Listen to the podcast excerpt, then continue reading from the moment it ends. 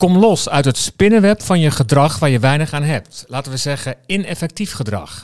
Welk gedrag heb jij onbewust aangeleerd? Hoe kom je er los van? En wat levert het je op als je je losmaakt van gedragspatronen die jou op dit moment in je leven niet meer opleveren wat ze ooit wel deden? Aan het einde van de podcast weet jij wat je moet doen en welk gedrag je mag loslaten.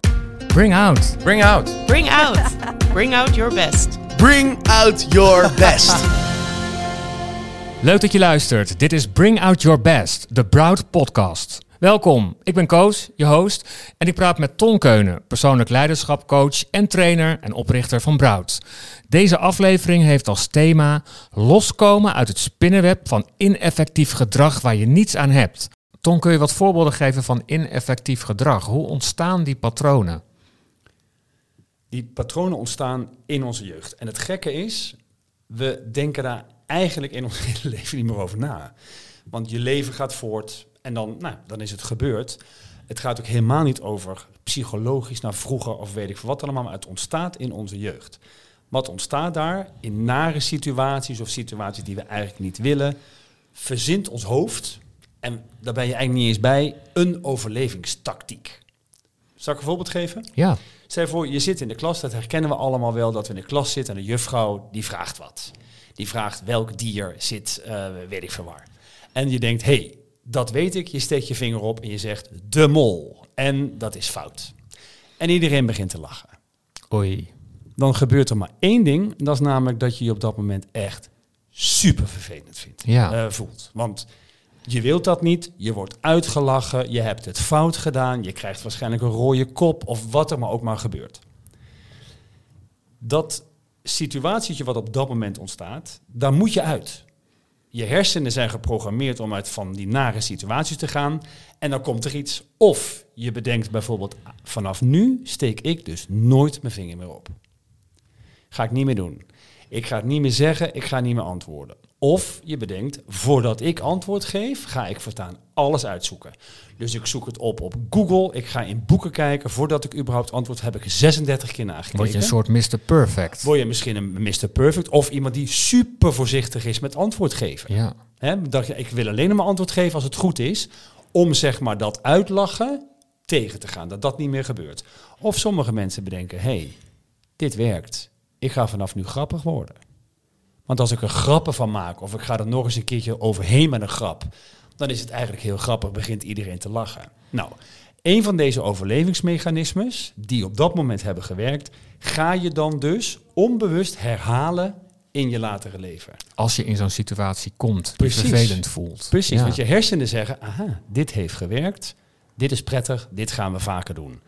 En nogmaals, het is dan lekker dat het werkt en het brengt je soms ook heel ver, want je krijgt misschien door een grappenmaker te zijn veel vrienden. Ja. Of uh, weet ik veel wat er gebeurt. Maar dat altijd inzetten als een soort van patroon om je heen. Als een soort spinnenweb om je heen. Van dat je de hele tijd dat gedrag laat zien. Dat noem je eigenlijk een winning formula. Dus die winnende formule die zet je dan de hele tijd in. Maar die is niet op alle situaties in je leven toepasbaar. Dus dat wil je eigenlijk niet overal inzetten. Even als voorbeeld, als je vrienden verdrietig zijn en jij gaat de grapjas lopen uithangen, omdat je nou eenmaal als overlevingstactiek uh, grappen maken hebt geleerd, dat werkt dus niet altijd. En daar wordt het dus ineffectief.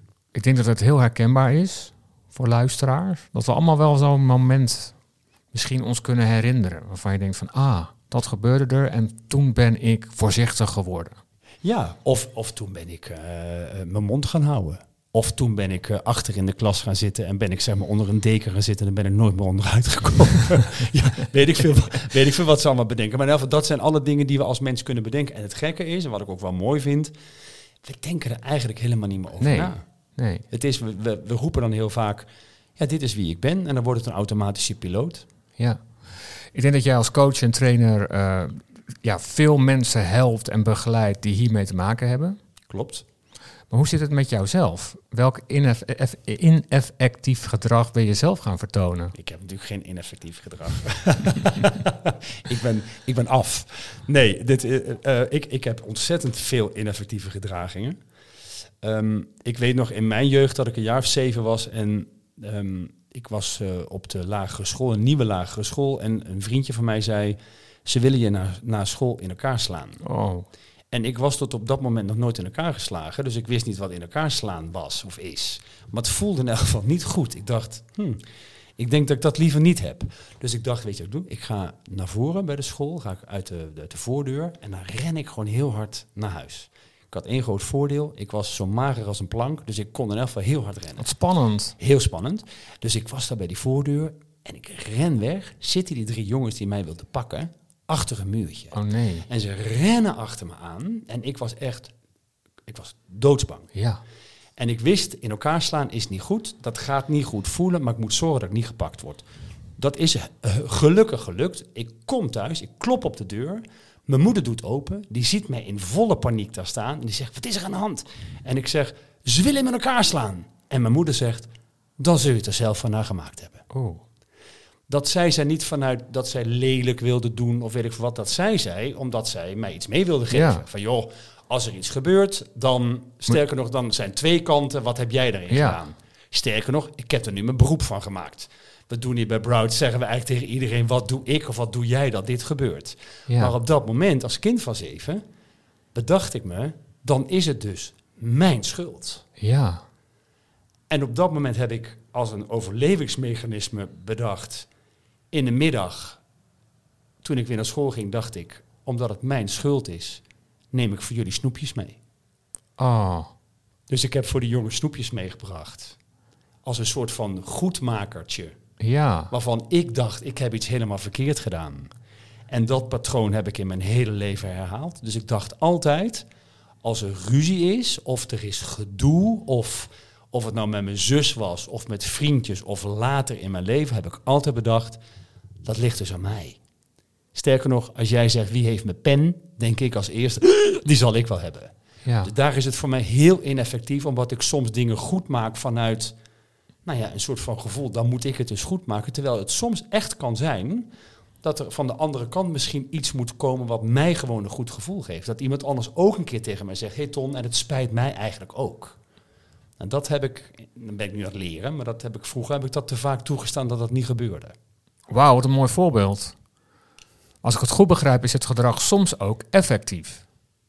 Eh, ja, Kan je daar een voorbeeld van geven? Zeker. Ik, kijk, waar het effectief is, is daar waar ik mijn verantwoordelijkheid moet pakken in dingen die er zijn tussen mij en iemand anders. Dus ik ben vrij goed in het nemen van mijn deel. Dat kan ik makkelijk. Waar het ineffectief is, is op het moment dat ik zoveel ga delen. Even als voorbeeld, soms sta ik voor een grote groep mensen sta ik te presenteren. En dan zou ik het zeg maar alleen kunnen doen met mezelf en de dingen die ik te vertellen heb. Maar dan moet er een hele koffer mee met spul, vlaggetjes, handouts. Dus ik moet van alles hebben om te geven. Zodat op het moment dat ik erop aangevallen word... of dat iemand zo zit te kijken naar mij en denkt... Hmm, ik weet niet of dit allemaal... dan denk ik, oké, dit ligt aan mij. En dan ga ik overcompenseren. En daar is het dus totaal niet effectief. Want dan kan ik iemand totaal overladen met informatie en weet ik veel wat. Daar werkt het gewoon voor geen meter. Oké Tom, kun je het nog heel even op een rijtje zetten? Want ik denk dat de luisteraar wel zoiets heeft van... Oké, ik herken wel bepaald gedrag wat ook wel ineffectief is. Maar hoe zat het ook alweer? Want het, duizelt misschien een beetje. Ja, dat kan ik me helemaal voorstellen. Ja, dat kan ik. Ehm, Oké, stap 1. Je bent jong.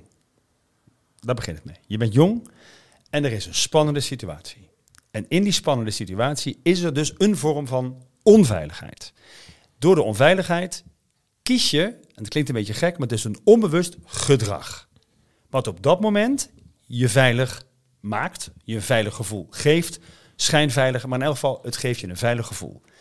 Het brein onthoudt dat, want het brein is gemaakt om je veilig te laten voelen en je veilig te laten zijn.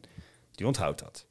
Dus op het moment dat later in je leven eenzelfde soort gevoel voorkomt, weet je brein, dit gevoel, dit gedrag gaan we laten zien.